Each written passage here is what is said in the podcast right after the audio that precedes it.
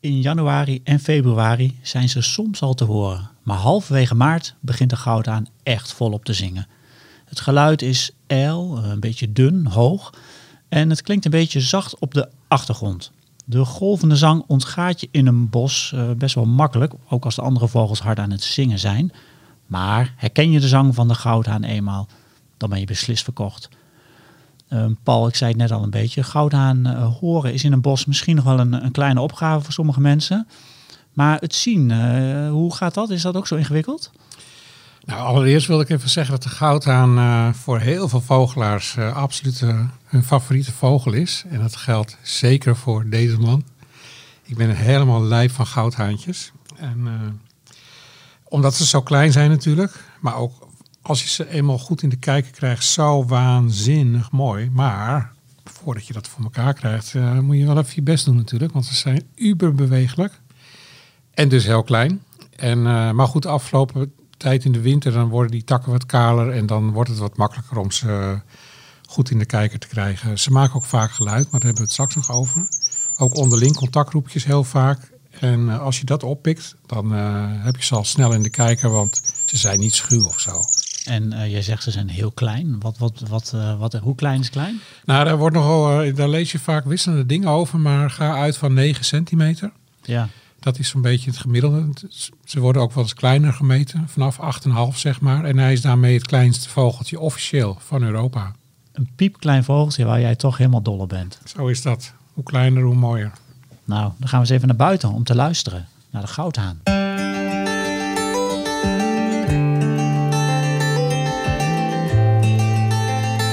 Presenteert Notenkrakers. De vogels fluiten buiten, wil je weten wie ze zijn? Kom en luister naar Notenkrakers. Welkom bij de podcast Notenkrakers. Mijn naam is Daniel Mulder en in deze podcast van maart 2023 neem ik je mee in de wereld van de chilpende, zingende, piepende en kwakende vogels. En tijdens deze reis door de wereld van de vogelgeluiden is gelukkig ook altijd de Roots-redacteur en collega Paul Beur aanwezig. Je hoorde hem net al even over zijn favoriete vogeltje, de goudhaan. Paul, het leefgebied van de goudhaan, dat heb ik nou niet helemaal scherp, maar jij wel, denk ik. Ja, klopt. Dat is de goudhaan heeft een echt een sterke voorkeur voor uh, naaldbossen, en dan met name oude naaldbossen. Daar broeden ze ook in. Uh, grootste ultieme bolwerk van de goudhaan uh, is de Veluwe. En als je denkt aan hoeveel broedparen in Nederland, uh, moet je denken tussen de 40 en de pak een beetje 75.000. En ze bereiken op sommige plekken bij dichte naaldbossen uh, toch wel een, een, dichtheid van 150 paar per 100 hectare. Nou, klinkt best veel. Grappig eerste weetje is, omdat hij zoveel in naaldbossen voorkomt, heet hij vooral heet hij de sparrenpieper of sparrenkoninkje. Wordt hij ook wel genoemd. Leuke naam, leuke naam. Leuke naam. Maar ja, in dennenbos is het moeilijk zoeken. En uh, in de winter uh, komen ze in veel grotere aantallen voor. Zeg maar tot een paar honderdduizend komen dan uit Oost- en Noord-Europa ook bij ons uh, binnen. En dan duiken ze op eigenlijk in elk willekeurig bosje ook met een kleine kans op je eigen tuin. Als je een hele grote tuin hebt, hoe meer naaldbomen en ja. grotere bosjes, hoe, hoe, meer je ze zult aantreffen in... Mm -hmm eigen wat, wat mij heel erg opvalt is dat ze vorige winter al veel meer bij mij in de buurt zaten. En deze winter uh, eigenlijk, eigenlijk gewoon overal. Als ik naar het dorp fiets, ik woon in Schorel, dan uh, kom, hoor ik ze uit tuinen. Ik hoor ze in het dorp, ik hoor ze in het bos, in de duinen. Volgens mij hebben ze twee uh, hele goede winters achter de rug. Met, met heel veel goudhaantjes in Nederland. Nou, misschien dat de zachte winters een rol spelen? Of?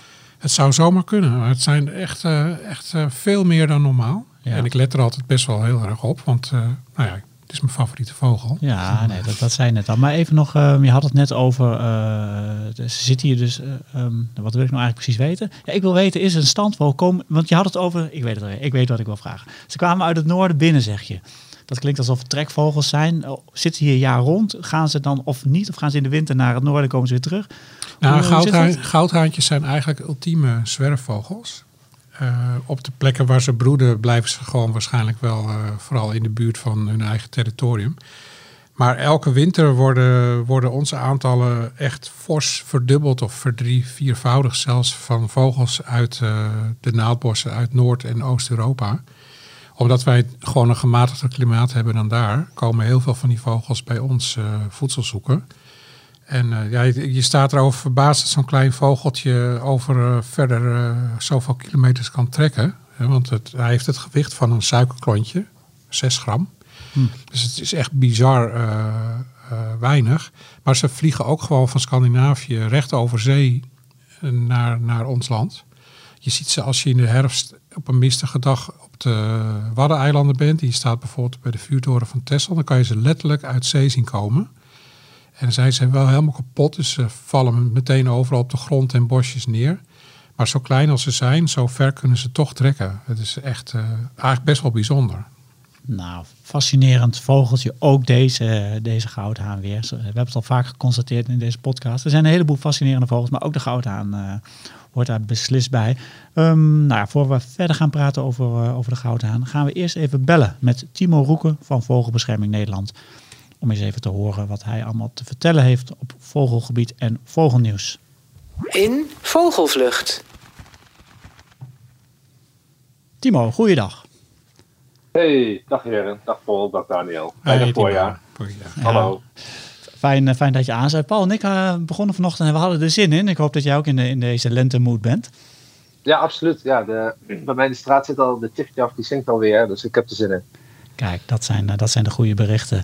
Ehm, nou, wat we altijd even doen, hè? Jij, jij leidt ons een beetje langs het laatste vogelnieuws, wat er in Nederland gebeurt en wat jou zelf opvalt. Wat heb je voor ons in de aanbieding? Een zeldzaamheid, een ringsnavelmeeuw. Vertel eens Daniel, hoe ziet hij eruit? Nou, ik, eh, ik denk dat hij een ring heeft om zijn snavel. Nou, helemaal goed. Nou, dan zijn we klaar. Maar dat is, meer weet ik niet. Dat is echt, dat is gewoon puur... eh, Paul, Paul appte het door van, dit gaat hem worden. Ik dacht, nou ja, dan zal hij er wel zo uitzien. Ja, precies. Nee, dat is wel goed hoor. Het is, eh, het is een meeuw die ontzettend veel lijkt op een stormmeeuw. On- Onze eigen stormmeeuw. En dat maakt determinatie ook wel best wel lastig. Ehm, het is een soort die van oorsprong voorkomt in, in, de, in de Verenigde Staten. Eh, dus in Amerika. Eh, maar heel af en toe worden ze hier ook gezien. En we hebben dan het voordeel dat de meeste vogels die hier in Nederland worden gezien, dat het ook volwassen exemplaren zijn. Dat maakt het toch wel wat makkelijker. Ehm, en ze hebben inderdaad een mooie, mooie donkere band eh, over de snavel lopen. Want hoe lang zit deze er nu? Ja, goede vraag. Volgens mij is deze nu een week geleden of zo, of vijf dagen geleden ontdekt. Ja, klopt. Een paar dagen. En wat het leuke is, en wat het leuke is aan deze mail, daar kun jij wat over vertellen, denk ik, Paul, dat is dat, dat die gezenderd is, hè?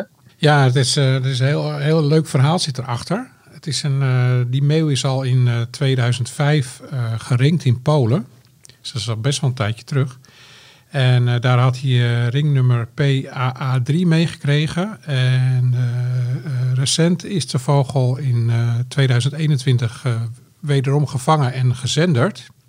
Eén keer per dag geeft hij een signaal en dan zegt hij waar hij is. En dat is echt heel grappig, want hij was dus hiervoor een eh, tijdje in België. En dus alle Nederlandse vogelaars die waren een stukje jaloers op de Belgen. Maar ineens piepte hij een keer in Nederland. En de laatste dagen geeft hij af en toe een signaal, eh, zoals uh, geloof ik, bij Amersfoort. En daar is hij dan vanaf vier uur te zien. En nou, dat is natuurlijk briljant. Het is elke dag weer wachten tot het piepje gaat. En dan de ene keer duikt hij op bij Utrecht en de andere keer weer ergens in Gelderland. En, maar vervolgens eh, wordt hij dan weer teruggevonden en kan hij dan tot donker eh, worden gezien. Want s'avonds gaat hij dus slapen op het water. Dus dan vliegt hij op een gegeven Ja. moment op. Nog iets heel anders. Ik was dit weekend op Texel en daar werd een eh, zeearend vloog over ons heen. En die is best wel zeldzaam op Texel. En die vogel die werd de volgende dag boven Alkmaar gezien door iemand van de vogelwerkgroep. En toen werd dus verklapt door iemand die het project van die zeearenden volgt, dat dat ook een gezenderde vogel was. Dus ze konden precies zien dat hij over Texel was gevlogen en daarna inderdaad over het Marsdiep via Alkmaar weer terug. En het bizarre is dat degene die die vogel zag in Alkmaar, dat is hetzelfde appartement waar mijn zoon woont. Kijk. Dus door dat zender, eh, zo'n gezenderde GPS-vogel, eh, kan je precies volgen waar die vliegt. En eh, nou, dat is wel, ik blijf het wel heel bijzonder vinden dat je dan precies die route kan volgen. En nu ga je zeker ook nog zeggen dat je zoon hem heeft gezien. Nee, dat niet. Nee. ik lag lekker te slapen. Die lag lekker te slaan. Oh, kijk, kijk eens aan. Ja, Wat, natuurlijk, wat natuurlijk het handige is, is in al die, al die informatie die je krijgt. Hè, dat, normaal is het natuurlijk totaal niet inzichtelijk wat voor patronen, wat voor routes zo'n vogel volgt en, wat voor, en, en hoe snel zo'n vogel vliegt. Maar door dit soort gegevens krijg je dus een heel mooi eh, statistische weergave hoe zo'n vogel zich eh, beweegt door het land. Wat, wat wel heel erg nuttig kan zijn om eh, meer kennis te vergaren over zo'n soort. ja dus de, de, de techniek helpt de vogelaar eh, in dit geval ook eh, op een mooie manier. Vanmiddag om vier uur dus een, een update, als ik het goed begrijp. En dan eh, spoeden we ons naar de plek waar die, eh, waar die zit. Ehm, Ja. Timo, heb je nog meer, eh, nog meer leuke nieuwtjes? Je begon er net zelf ook al over. We hebben natuurlijk eh, bij Vogelbescherming hebben we beleefde lente. Ehm, en het is inmiddels is het 15 maart geweest, dus het broedseizoen is weer begonnen. Voor sommige soorten eh, begint het broedseizoen natuurlijk eh, aanzienlijk vroeger dan voor eh, andere soorten. Zoals de gierzwijler, die is niet, in Nederland. Hè. Verwachten we meestal rondom Koningsdag, 27 april.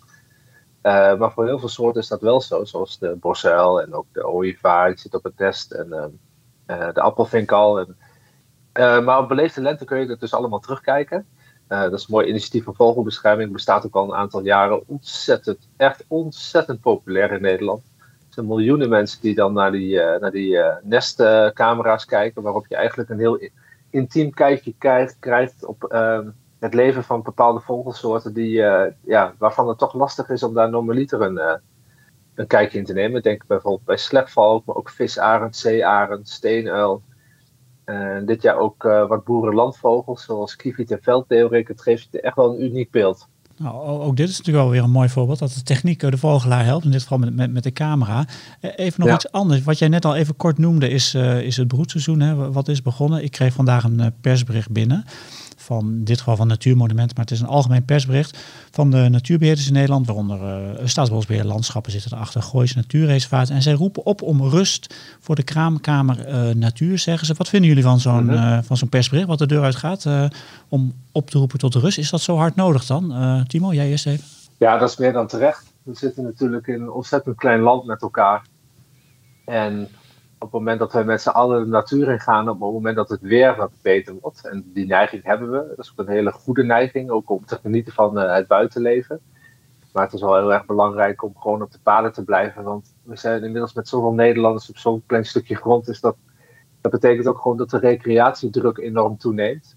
Eh, en op het moment dat iedereen een beetje door de bosjes loopt te banjeren, eh, ja, dan verstoren we daarbij natuurlijk wel onze flora en fauna. En dat kan niet de bedoeling zijn. Ik denk dat het voor heel veel mensen ook echt wel het tegenovergestelde is wat ze eigenlijk willen. Heel veel, eh, de meeste mensen hebben gewoon goede bedoelingen en willen gewoon genieten van de natuur, maar beseffen niet altijd hoeveel schade ze kunnen aanrichten door gewoon door een paar bosjes heen te, eh, te banjeren. Echt af en toe heb ik echt een neiging om Even af te trappen. Ja, nou, zo wil ik het niet zeggen op de podcast, maar die neiging komt wel eens in me op. Ja. Mensen aanspreken, dat doe ik eh, regelmatig. Dat wordt je ook niet altijd in dank afgenomen. Nee. Ik heb, ik heb het geluk dat ik niet de kleinste ben, maar het is echt wel. no- mensen blijven aanspreken is echt het belangrijkste. En vaak is de eerste reactie is natuurlijk een. Dan speelt het ego ook bij veel mensen, vooral bij mannen. Hè, van wie ben jij wel niet om te zeggen wat ik allemaal moet doen. Maar dat zaadje, dat plant je wel. En wellicht dat het dan, als het ego wat later wat verder is teruggedrongen, dat, het toch begint te dat mensen toch beginnen te beseffen. Ja, dat was misschien toch niet eh, een handige set. Laat ik het de volgende keer anders doen. Ja, nou, mo- mooie oproep in ieder geval. Rust in de natuur. En als je toch de natuur ingaat, doe het, eh, doe het voorzichtig en, en, met, en met beleid eh, met name. En wie weet eh, maak je dan ook wel mooie dingen mee. Want eh, in deze podcast, ik kom straks nog even aan bod, Henk Meeuws komt aan het woord. En die had een mooie anekdote over de goudhaan. En toen ik daar eens over nadacht, dacht ik van nou, als hij hem heeft, dan hebben andere vogelaars dat wellicht ook. Timo, Paul, jullie voelen hem vast aankomen. Hebben jullie een mooie, een mooie anekdote over de goudhaan? Ehm, Paul, wil jij hem eens eh, aftrappen? Als je hem hebt, hè? Zeker. Mijn allereerste prachtige ervaring met een, eh, dat was een vuurgoud aan. Ik ga straks het verschil nog uitleggen. Het is een, eh, zeg maar een soortgenoot. En die zijn echt ook echt heel mooi. Hele mooie koptekening. En ik was op een kampje van de jeugdbond bij, bij de Honsborse Zeewiering. En het was die dag ontzettend slecht weer. eh, mist, regen, wind. En eh, toen zat er opeens, eh, wij waren ook binnen. En toen zat er opeens aan de buitenkant van het, in het raamkozijn zat een vuurgoudhaantje. En die zat helemaal tegen het raam aangedrukt. En ik heb hem toen op, nou ja, zeg drie centimeter. hebben wij met z'n allen achter het raam naar het vogeltje zitten kijken die gewoon lekker daar zat te schuilen. En nou, dat, dat vergeet je echt never, nooit meer. Dat was een waanzinnige ervaring. Klinkt, klinkt goed. Timo, heb jij ook zo'n mooie, mooie ervaring met de gouden haan? Ja, voor mij is het. Vogel is in mijn regio redelijk algemeen. Het is heel erg afhankelijk van die, van die dennenbossen. Eh, ik ben ook benieuwd hoe de vogel eh, het gaat doen in de toekomst, omdat die dennenbossen in Nederland steeds eh, zeldzamer worden. Ehm, ik, ik ben een paar keer in mijn leven heb ik het geluk gehad dat ik naar Helgoland kom. Helgoland is een klein Duits eiland. Waar, waar je echt, echt waanzinnig, echt waanzinnig goed kan vogelen als de omstandigheden goed zijn. Ik kan me nog herinneren dat ik vijf, zes jaar geleden naar Helgoland ging en dat ik aankwam op het eiland en dat het eigenlijk heel erg rustig was. Er was geen vogel te bekennen. Ehm, enigszins teleurgesteld, eh, maar aan de whisky gegaan, s s'avonds in een café, eh, omdat je daar geen belasting betaalt. Dus alles is daar een stuk goedkoop qua drank. Ook leuk. Ook leuk. En de dag daarna, het was s'avonds redelijk onstuimig weer. En ik kan nog herinneren dat ik wakker werd. En ik doe de deur open. En ik had mijn verrekijker nog niet eens om. En het hele dorp helemaal bezaaid met vogels. En met bezaaid bedoel ik echt dat er een bosje is. ehm, waar je naast kan staan. En dat daar echt 60 gewoon goudhaantjes in zitten. En je, die waren zo uitgeput dat je ze er met de hand uit kon plukken. En dat je ze weer terug kon zetten, die waren gewoon helemaal, helemaal van de wereld door het slechte weer. En dat eiland was, is dan hun enige redding op die open zee daar. Het is wel een eindje varen. Dus ehm, ik heb heel wat, ehm, naast, mijn, eh, naast, mijn, eh, naast het ringwerk wat ik heb gedaan, is dat wel een van mijn bijzonderste ervaringen met deze soort. Dat ik ze gewoon echt uit de, uit de bosjes kon plukken om ze gewoon even vast te houden. En dan denk je, ja, dat is hartstikke zielig, blijft er vanaf. Maar die vogels waren op dat moment heel erg eh, blij met de extra, extra warmte die van mijn handen afkwam om even weer op temperatuur te komen. Zo. Eh, dus dat was wel een hele bijzondere ervaring. Ja, dat klinkt wel heel indrukwekkend. Zo'n zo'n struikje vol met van die piepkleine mooie vogels. Ja. Mooie, mooie herinneringen, eh, mannen. Ehm, nog even tot slot, eh Timo, als wij altijd bellen. We hebben sinds, sinds een paar maanden hebben we ook een, een nieuw subrubriekje bedacht. Dat is het, het natuurgebied of het vogelkijkgebied van de maand.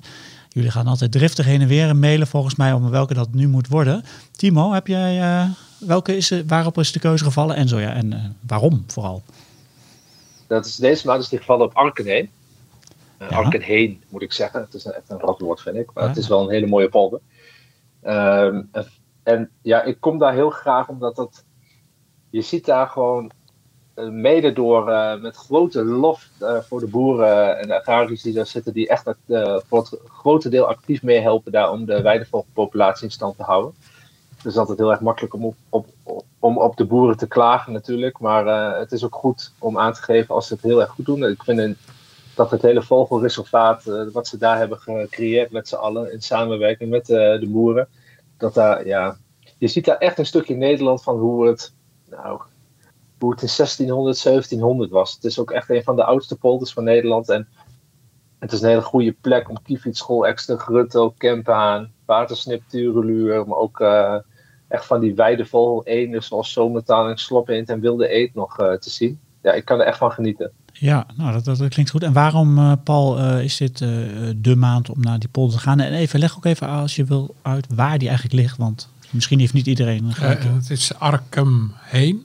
En Ja, het is eerst met een M, M met drie poten en dan de N. ja, En het ligt ten, eh, tussen zeg maar grofweg eh, Nijkerk en eh, Oh, daar. richting Ja. Eemnes. Oh, daar, die polders. Het is in de 14e eeuw ontstaan. En het is een veenweidegebied wat nog nooit is verkaveld. Dus het is nog helemaal origineel. En dat maakt het extra bijzonder. En er wordt natuurlijk heel veel met de waterhuishouding. Eh, dat wordt voor water, weidevogels en watervogels heel goed eh, eh, in stand gehouden. Dus er is heel veel water. En daarom maak je bijvoorbeeld ook kans op balsende kempanen. Op een van de weinige plekken in Nederland. En dan met name april, mei. Ja, april, mei, dat zijn echt gewoon de weidevogelmaanden. Maar ik durf te zeggen dat dit wel een van de beste weide, weidevogelgebieden van Nederland is. Omdat je gewoon zoveel soorten in zulke grote aantallen ziet. En dat eh, kom je eigenlijk bijna nergens meer in Nederland tegen. Dus echt heel bijzonder. Moet je zeker een keer heen gaan. nou, kl- klinkt goed. Timo, nog even een, een slotwoord. Ehm, helemaal mee eens?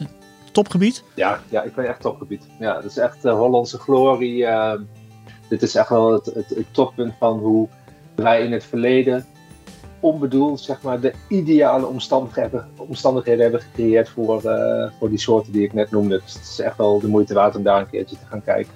Hartelijk dank eh, Timo voor je bijdrage deze keer en we spreken je volgende maand weer. Hartstikke goed. Succes heren. De mooie vogelgeluiden die je hoort in notenkrakers komen van de app Bird Sounds Europe. Henk Meeuwse, die ook voor ons Vogelmagazine schrijft over vogelgeluiden. Zijn nieuwscolumn gaat trouwens over katten en winterkoningen, echt een aanrader. Hij heeft veel van eh, die geluiden voor de app opgenomen. Achter deze geluidsopname schuilen mooie verhalen. En daarom heb ik met Henk afgesproken op de Veluwe bij het Gelderse buurtschap 3 om te luisteren naar zijn verhaal achter het geluid van de goudhaan.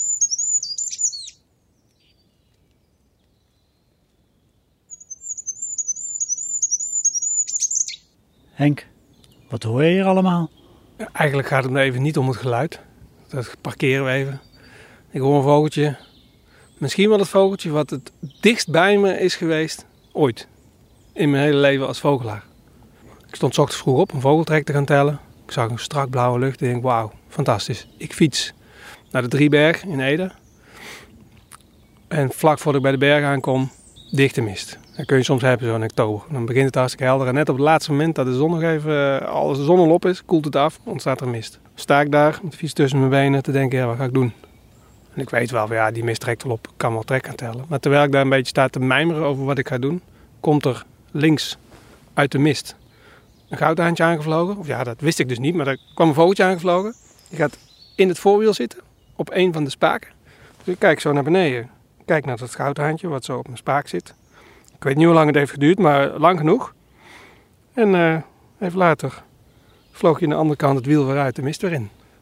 Ik stond er bovenop. Ah, het was echt... eh, Ik weet niet wat ik die dag verder heb gezien op die trektelpost. Dat, ja, dat wordt overstraald door, eh, door zo'n zo'n ervaring.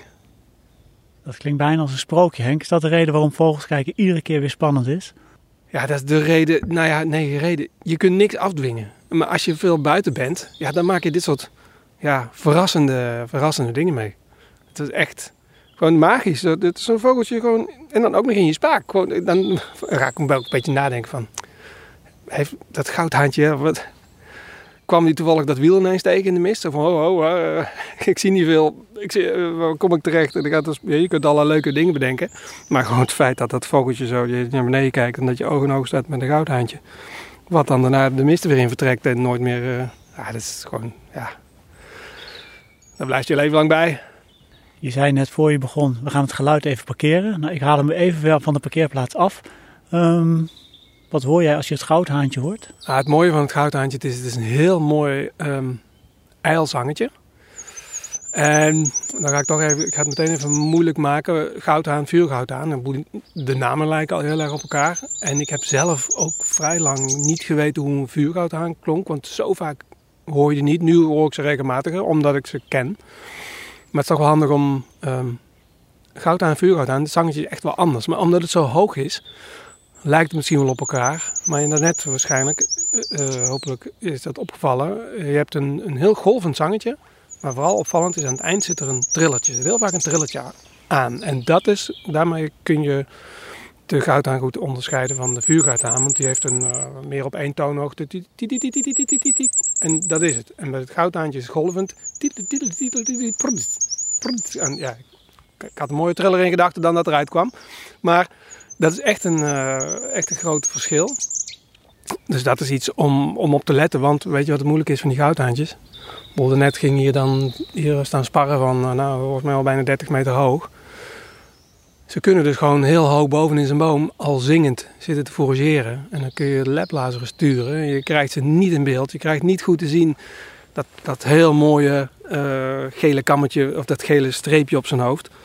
Dat krijg je bijna niet te zien. Dus, dus ja, dat maakt het ook wel een moeilijke vogel om ja, de, de zang bevestigd of je vermoeden van welke soort het is bevestigd te zien door het beeld. Dus dat kan heel lastig zijn. Maar ja, tegelijkertijd, zoals in mijn voorwiel, kun je gewoon al fietsend of al wandelend, gewoon eh, lager in de takken, in een dennetje of, of een sparretje, kun je deze goud aan zo ineens voor je, voor je snuffert hebben. En niet alleen maar in een wiel passerend, maar gewoon ook zingend.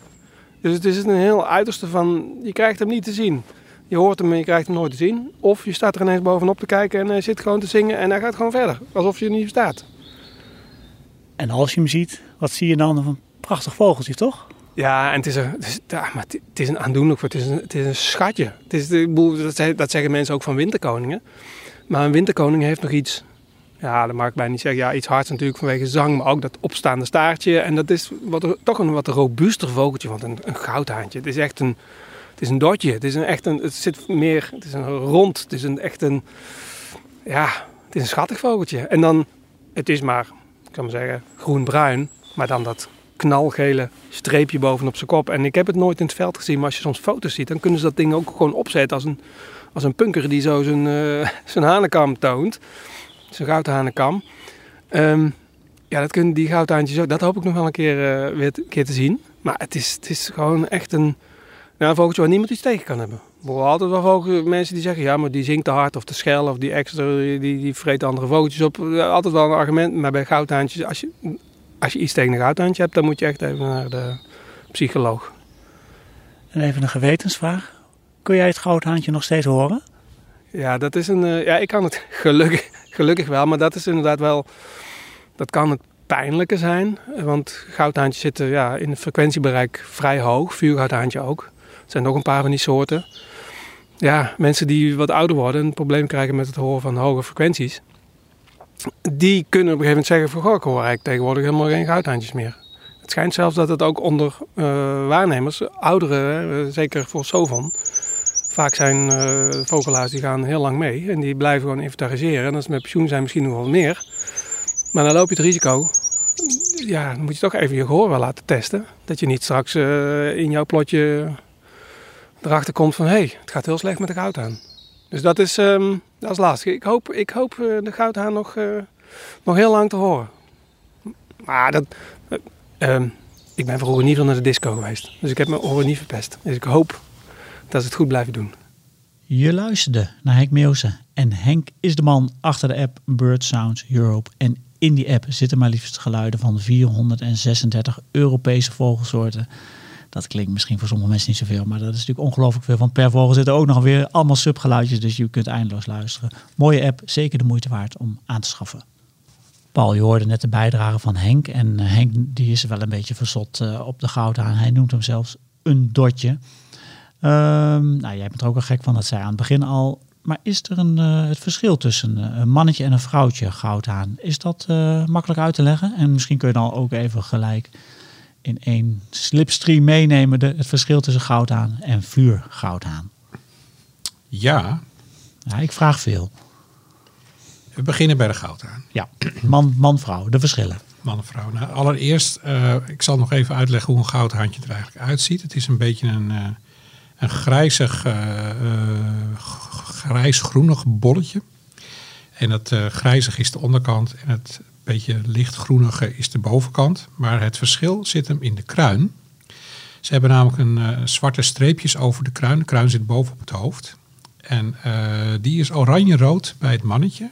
En een beetje citroengeel bij het vrouwtje. En je moet wel heel goed kijken hoor, wil je het zien. Eh, maar als ze, zeker als ze opgewonden raken, als er wat bijvoorbeeld gebeurt in de buurt, komt een kat of zo, dan zetten ze dat kruintje op en dan zie je heel duidelijk dat hij bij het mannetje tegen het vel oranje aan zit. Dan hebben we de vuurgoudhaan. Die, eh, dat is dus een, een soortgenoot die eh, best wel heel veel op het goudhaantje lijkt. Alleen hij is net een, een tikje groter. En dan hebben we het echt over millimeterwerk. 9 tot 9,5 centimeter. Dus net een ietsje forser in het lichaam. Uh, maar waar het grote verschil in zit is de... Hij heeft een, een hele mooie lichte uh, witte streep over zijn, over zijn oog. Dat zie je eigenlijk meteen het eerste. En als je door een verrekijker kijkt naar zijn uh, kin, dan zie je heel mooi lichtgrijs blauwige kleur.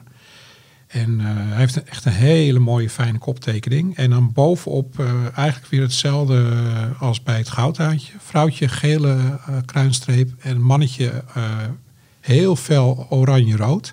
En bij die vuurgoudhaan is hij echt een stuk breder en groter. Dus daar, daar zie je echt zo op het eerste oog al dat verschil tussen man en vrouw. Maar als dan ook deze vogeltjes opgewonden raken, dan zie je bij zo'n uh, vuurgoudhaan uh, echt gewoon een, een, rode kam omhoog komen. Oké. Moet je maar eens op, eh, op, op googelen op vuurgoudhaan. En kan je heel, heel veel van het soort foto's zien. Waarbij die veren helemaal omhoog staan. heel spectaculair.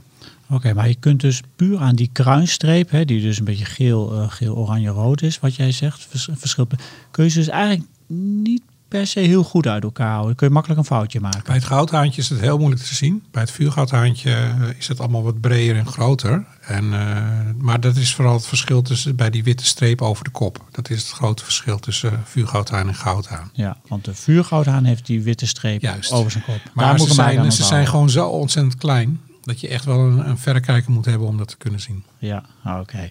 En even over zijn menu. Hè. Wat, wat, wat eten die kleine vogeltjes eigenlijk allemaal? Dat zullen dan insecten zijn en zo, denk ik? Ja, klopt. Je zal een, een goudhaan niet zo heel gauw op een voedertafel aantreffen.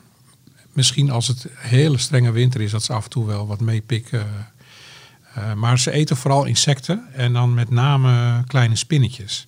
En die, omdat ze zo licht en klein zijn, kunnen zij, in een, uh, kunnen zij boven in de, de kleinste twijgjes of dennennaden bij wijze van spreken nog uh, terecht om die spinnetjes te vinden.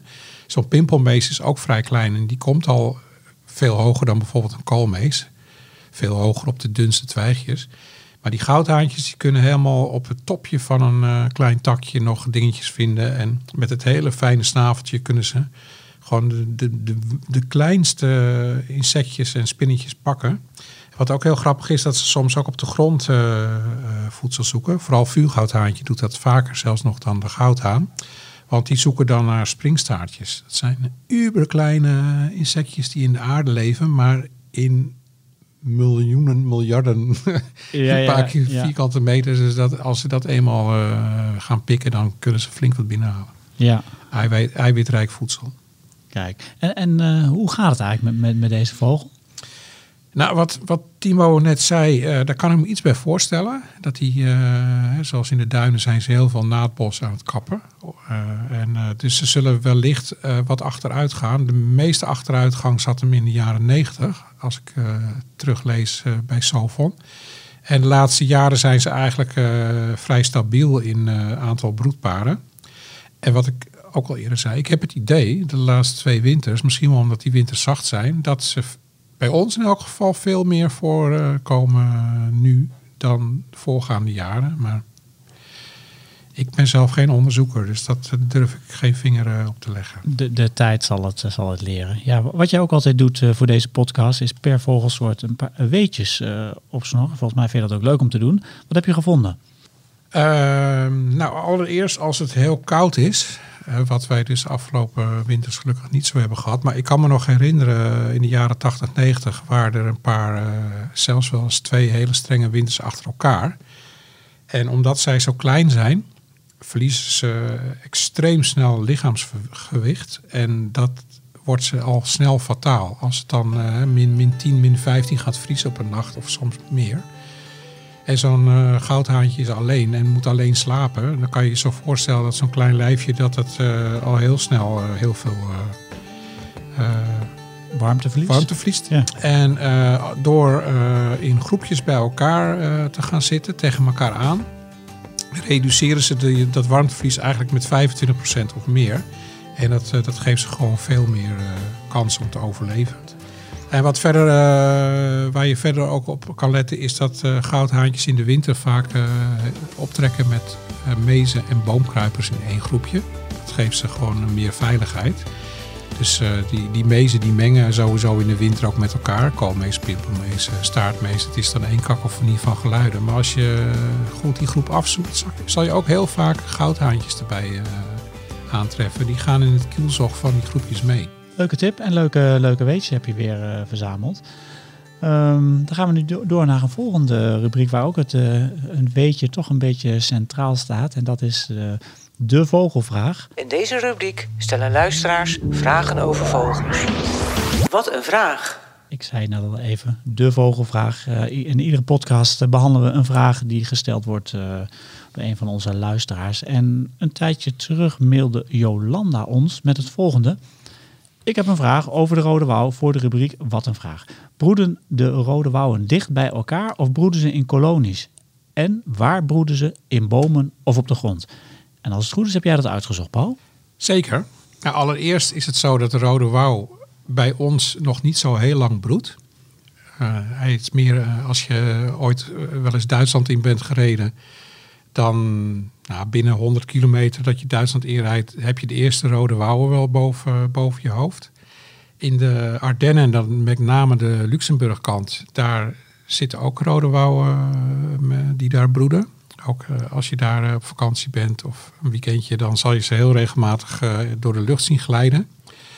In Nederland eh, broeden ze pas sinds een jaar of 10, 15 volgens mij. In, eh, wel in stijgend aantal.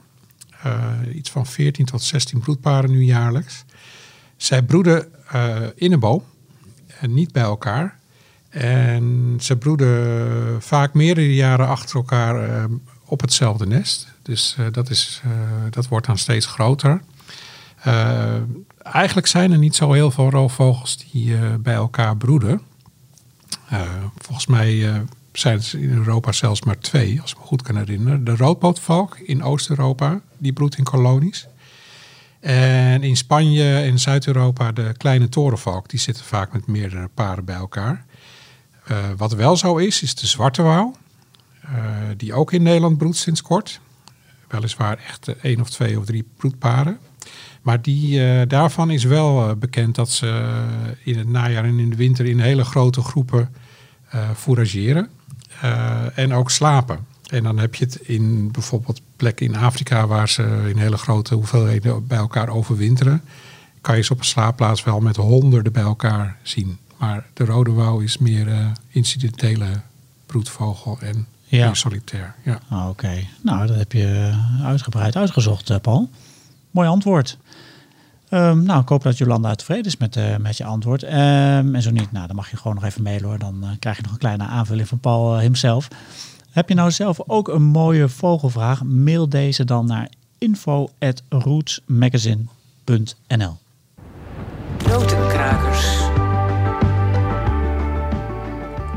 Ik zei het net al eerder, de geluiden die je in deze podcast hebt gehoord, die komen van de app Bird Sounds Europe.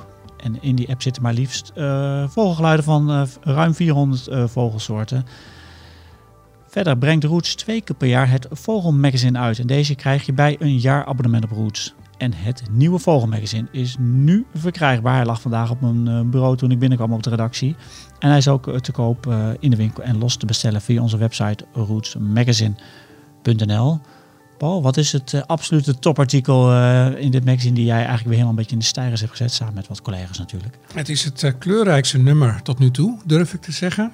Eh, we hebben het onder andere bijvoorbeeld over de hop, die teruggekeerd is als broedvogel. Dat is natuurlijk een waanzinnig kleurrijke vogel. Maar we hebben het ook over allerlei soorten reigers, de waanzinnige vogelwereld van bijvoorbeeld een eh, land als Colombia. En wat heel leuk is, is eh, zoek de verschillen hebben we over de kwikstaarten. Want nu komen de, de witte kwikstaart en de rauw kwikstaart komen weer terug. En hoe haal je deze twee uit elkaar? Kijk, en dat ga jij allemaal, eh, of dat wordt allemaal uitgelegd in, in het nieuwe eh, Vogelmagazine. Je krijgt deze standaard trouwens bij een abonnement eh, op, op Roots. En dat nieuwe aprilnummer van Roots, die is ook alweer verschenen, tegelijk met het Vogelmagazine. Dus ja, er, er valt veel te lezen de komende, de komende dagen of weken, als je daar zin in hebt. En in dat nieuwe aprilnummer zit een mooie reportage met foto's van spechten, allemaal gemaakt door onze lezers.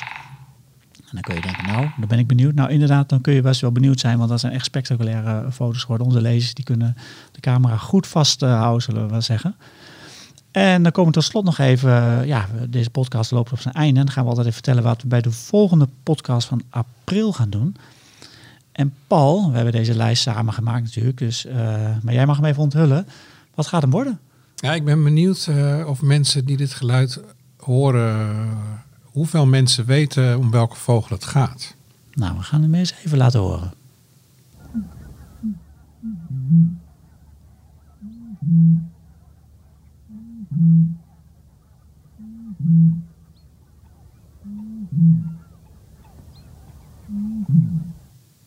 Want het gaat om de roerdomp. Wat een mooi geluid. Waanzinnig, hè? Ja, wel, ja, wat is het? Het is bijna nergens mee te vergelijken. En we gaan ook eh, vertellen en uitleggen hoe die dat maakt. Heb je wel, ja, je hebt het natuurlijk, stomme vraag. Heb je wel eens gehoord de roerdomp? Ik nog nooit namelijk. Nou, ik moet je zeggen dat eh, horen nog wel eens, maar zien al jaren niet meer. Dus, Nou, horen is zien, toch? uitdaging. Horen is zien, eh, zeg jij altijd. Is ook zo, maar... eh, Maar je wil hem een keer echt zien. Zien, zien met je ogen. Ja, nee, ik woon dan net niet bij gebieden waar die eh, heel goed en vaak te zien is. Maar ze zijn er wel in Nederland. Dus we geven ook tips de volgende keer waar je hem wel kunt zien. Nou, volgende maand eh, roerdomp. Maar eerst eh, gaan we nog even vertellen dat ik het erg leuk vond. En Paul vond het denk ik ook heel erg leuk. Dat je luisterde naar Notenkrakers. En dan zeggen we nu nog maar één ding. Ga lekker naar buiten. Het naaldbos in. Om te luisteren naar de goudhaan.